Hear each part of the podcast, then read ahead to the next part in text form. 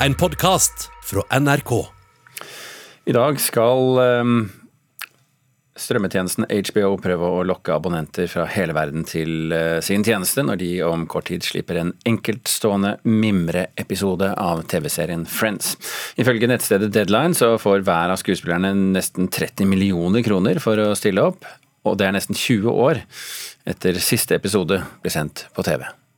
Det vil aldri skje, sa serieskaperen til NRK for to år siden. It will never happen. Never ever. I'm 100% sure. No one told you life was gonna be this way. Nei, det virker som om ingen hadde fortalt serieskaper Martha Kaufman at hennes life was gonna be this way. For selv om alle involverte har nekta i alle år, It will never happen. så skjer det jaggu likevel. Nærmere 20 år etter den 236. og siste episoden av Friends ble sendt på TV, så kommer de tilbake. Hvorfor nå, vites ikke. Men det at hver av skuespillerne skal få betalt nærmere 30 millioner kroner, og at HBO skal lansere en ny strømmetjeneste, spiller åpenbart en rolle. Dette er på en måte veldig spennende å se på dem igjen. Hva skal de gjøre, hvordan ser de ut? Men samtidig er man jo litt redd av at det kanskje også ødelegger litt. Kai Hannoschwin er medieviter ved Høgskolen Kristiania og har skrevet en bok om fenomenet Friends. Friends er stor, eh, så det var en stor publikumssuksess verden rundt. Og det er den fortsatt i dag. Men så har den også påvirket mange sitcom som kom etterpå. Men han tror først og fremst at dette er grunnen til at også dagens ungdom ser på serien. Det har først og fremst kanskje med karakterene å, å gjøre. Altså, de er perfekt casta, de er veldig gode skuespillere. We were on a break! Oh my god, if you say that one more time, I'm gonna break up with you. Men karakterene er også sånne erketyper som alle kan relatere seg til. Unnskyld, jeg kommer fra NRK. Kan jeg stille et veldig kjapt spørsmål? Da får vi jo sjekke da ute blant folk. Kan alle relatere seg til disse karakterene? Hvem føler du at du er mest lik i Friends? Nei, jeg vet ikke. Ross, kanskje? Kanskje Monica. Hun er uh, ganske sånn control freak, det er jeg også. uh, kanskje Chandler. Avslappet type. Tror kanskje hun er litt morsommere enn hun er. Kanskje Rachel. Jeg vet ikke helt hvorfor, jeg bare kjenner meg litt sånn igjen i henne. Hvorfor tror dere serien er så populær fortsatt? Sikkert fordi mange kan kjenne seg igjen i karakterene. This is where your hyper-organized pain in the ass stuff pays off. I know! Medieviter Svinn var tidligere skeptisk til episoden som slippes i dag, men Etter et år med korona tenkte jeg kanskje det er faktisk det vi trenger litt. At vi møter de gamle vennene og ser hvordan de har det. Og forhåpentligvis kose oss litt mer. Vi får se. Reporter Christian Ingebretsen. Ja, vi er altså på fornavn med deg, Rachel, Ross, Chander, Monica, Joey og Phoebe. Sigurd Vik, filmanmelder i NRK med oss nå. Du er så heldig at du allerede har sett denne gjenforeningsepisoden. Hva er din umiddelbare reaksjon på episoden som kom ut natt til i dag? Det var et eh, koselig gjensyn, hvor man fikk humør og man fikk nostalgi, og man fikk den gjensynsgleden. Altså, den starter jo med at alle skuespillerne vender tilbake til settet, som eh, er så udødeliggjort gjennom denne TV-serien. og Jeg skal ærlig innrømme at sjøl et hardt kritikerhjerte fikk noen tårer i øyekroken. Eh, Og så er det en blanding. altså Du har eh, gjenforeninga som er en viktig del, hvor skuespillerne snakker med hverandre.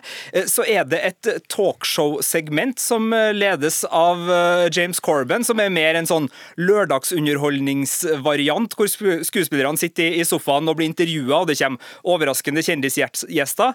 Eh, Så er det litt dokumentar, hvor serieskaperne snakker om hvordan de laga denne serien, hva ideene kom fra, og hvordan de ikke minst kasta den. Og så er det i tillegg masse kjendiser som har spilt inn videosnutter med seg sjøl, som ser litt sånn her ut, hvor bl.a. David Beckham og Mindy Kaling snakker om hvorfor de er fans av Friends. Så det er en ganske variert eh, totimers spesial som serveres. Ja, for det høres jo ut som det er litt av hvert som, som skjer. Fungerte det? Eh, på sitt beste så fungerer det veldig godt, og, det er ikke noe tvil at for fansen så fungerer det her, for det er en veldig sånn hyllingsinsisterende spesial som er veldig opptatt av å feire Friends og skape god stemning. Og jeg må si at eh, det, det beste er de øyeblikkene hvor vi er der intimt sammen med skuespillergjengen og, og mimrer, gjenopplever fleiper de hadde på hverandre, de mimrer om favorittscener, og i tillegg så er det, uten at jeg skal avsløre eh, litt eh, sånn ny informasjon som gjør at noen av disse gjeninnspillingene av scener, for dem er det også noen av, får litt sånn ekstra emosjonell slagkraft da, når vi nå vet hvordan de hadde der og da. Så, så det er den beste biten. Men jeg syns jo ikke eh, Altså, den blir litt overprodusert. altså Klippinga mellom talkshow-biten og eh, det her intime, veldig nære eh, opplevelsen sammen med skuespillerne blir brå. Og, og jeg tenker jo at det kanskje skulle vært to forskjellige spesialer, eller to episoder hvor lørdagsunderholdninga hadde fått levd for seg sjøl, og, og publikums nære møte med skuespillerne og, og gjensynet da hadde fått stått for seg sjøl. Fortell oss, Sigurd, eh, hvordan ser det ut nå, etter 17 år? Eh, ja, nei, altså Man eh, kan ikke underslå at eh, man ser at, eh, at tida har gått, men jeg synes, eh, altså, de er litt stive i kjemien seg imellom i, i starten. Man merker at det ikke er folk som er, er like dreven som de var på tampen av sin altså det ti år lange Friends-løpet. Men jeg syns de kommer seg kjapt inn i en litt sånn småkjeklete, artig og ertete rytme. Og, og det framstår i hvert fall ektefølt og, og, og som ekte følelser av det de har for hverandre. Selv om vi selvfølgelig vet at alle seks skuespillerne og produsentene eh, står som produsenter av denne serien også. Og det er en, en eh, dokumentar som stryker veldig medhårs. Det her det er ikke noe kritiske spørsmål, det er bare hygge hele veien. Men, jeg syns det var, var koselig å se dem, og ja, eh, de holder seg godt, det er ikke det man sier. Eh, Men du, Friends har tidligere fått kritikk for manglende mangfold og for diskriminerende vitser, mellom annet overvektige Monica. Hvordan var det i denne episoden?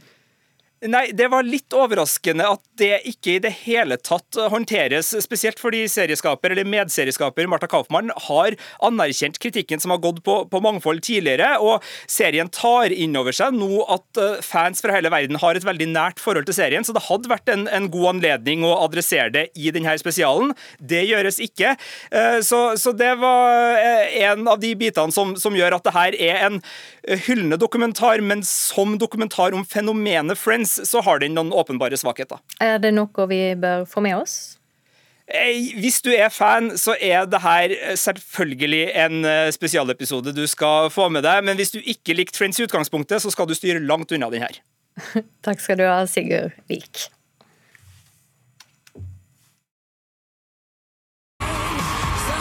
Kicking off her 17th season, here she is now, Ellen DeGeneres.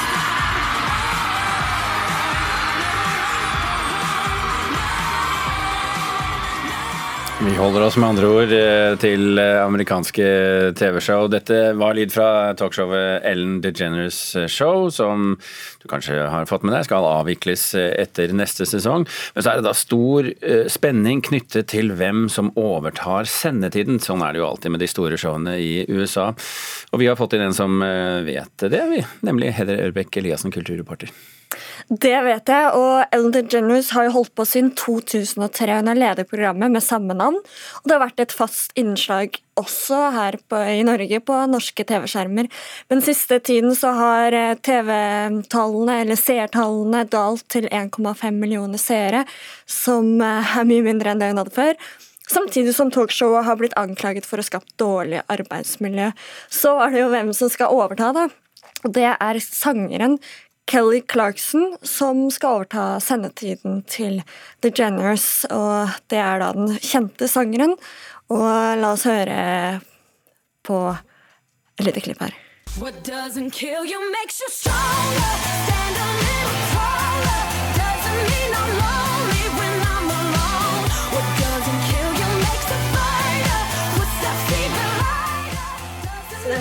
Stronger som hun ga ut i 2011, og hun vant også American Idol for første, eh, for første gang i 2002. Og ble veldig fornærmet da Kurt Nilsen vant World Idol, husker jeg, eh, i sin tid. Hun har kommet over det siden det. Um, I 2022 er det hun skal overta? I 2022 så um, da byttes programlederen, og det er da etter 19 sesonger og over 3000 episoder. Da kommer den talkshow-dronningen eh, Ellen DeGeneres til å takke for seg, og høsten 22, som du sa, skal Kelly Clarkson eh, bli å se på det tidspunktet. Men det er jo ikke så veldig overraskende for, for, for mange, da, fordi hun har allerede vist at hun kan lede talkshow. Hun har showet The Kelly Clarkson Show, som for tiden er inne i sin andre sesong. Og det er faktisk eh, dette showet som bare skal bytte tid og bli det faste innslaget på det samme tidspunktet. Fint. Heder Ørbeke Eliassen, takk for informasjonen.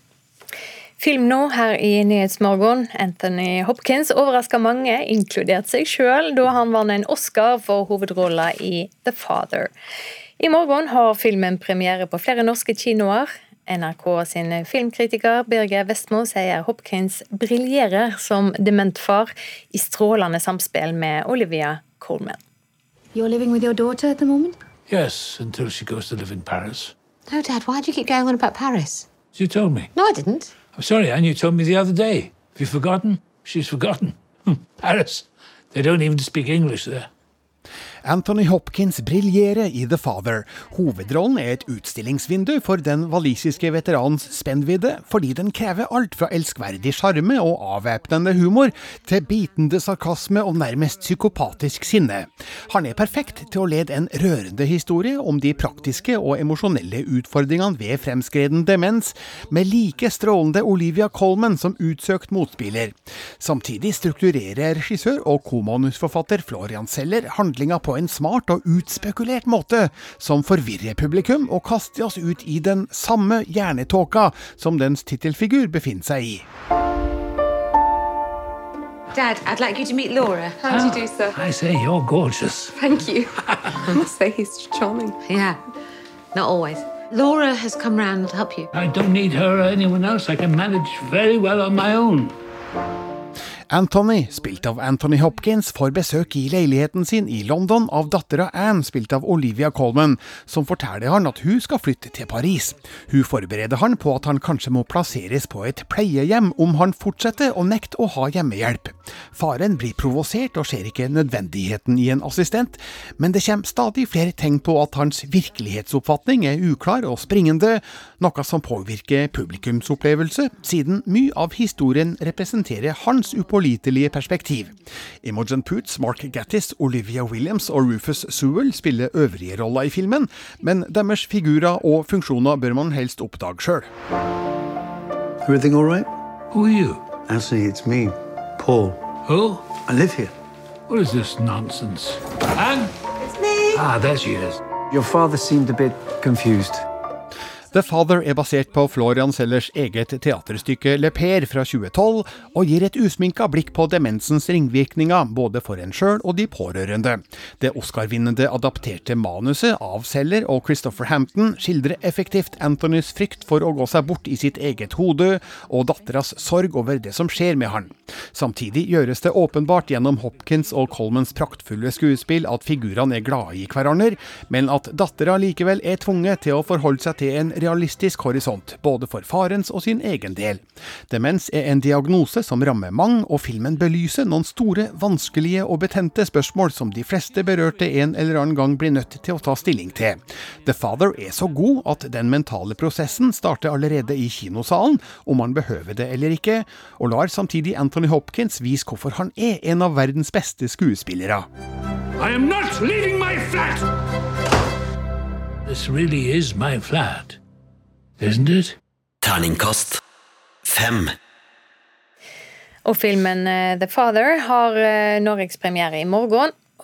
Det var eh, Birger Vestmo som hadde sett filmen. Og det NRK sine meldere mener om filmer, bøker, utstillinger og teater, det kan du finne på nrk.no anmeldelser. Du har hørt en podkast fra NRK. Hør flere podkaster og din NRK-kanal i appen NRK Radio.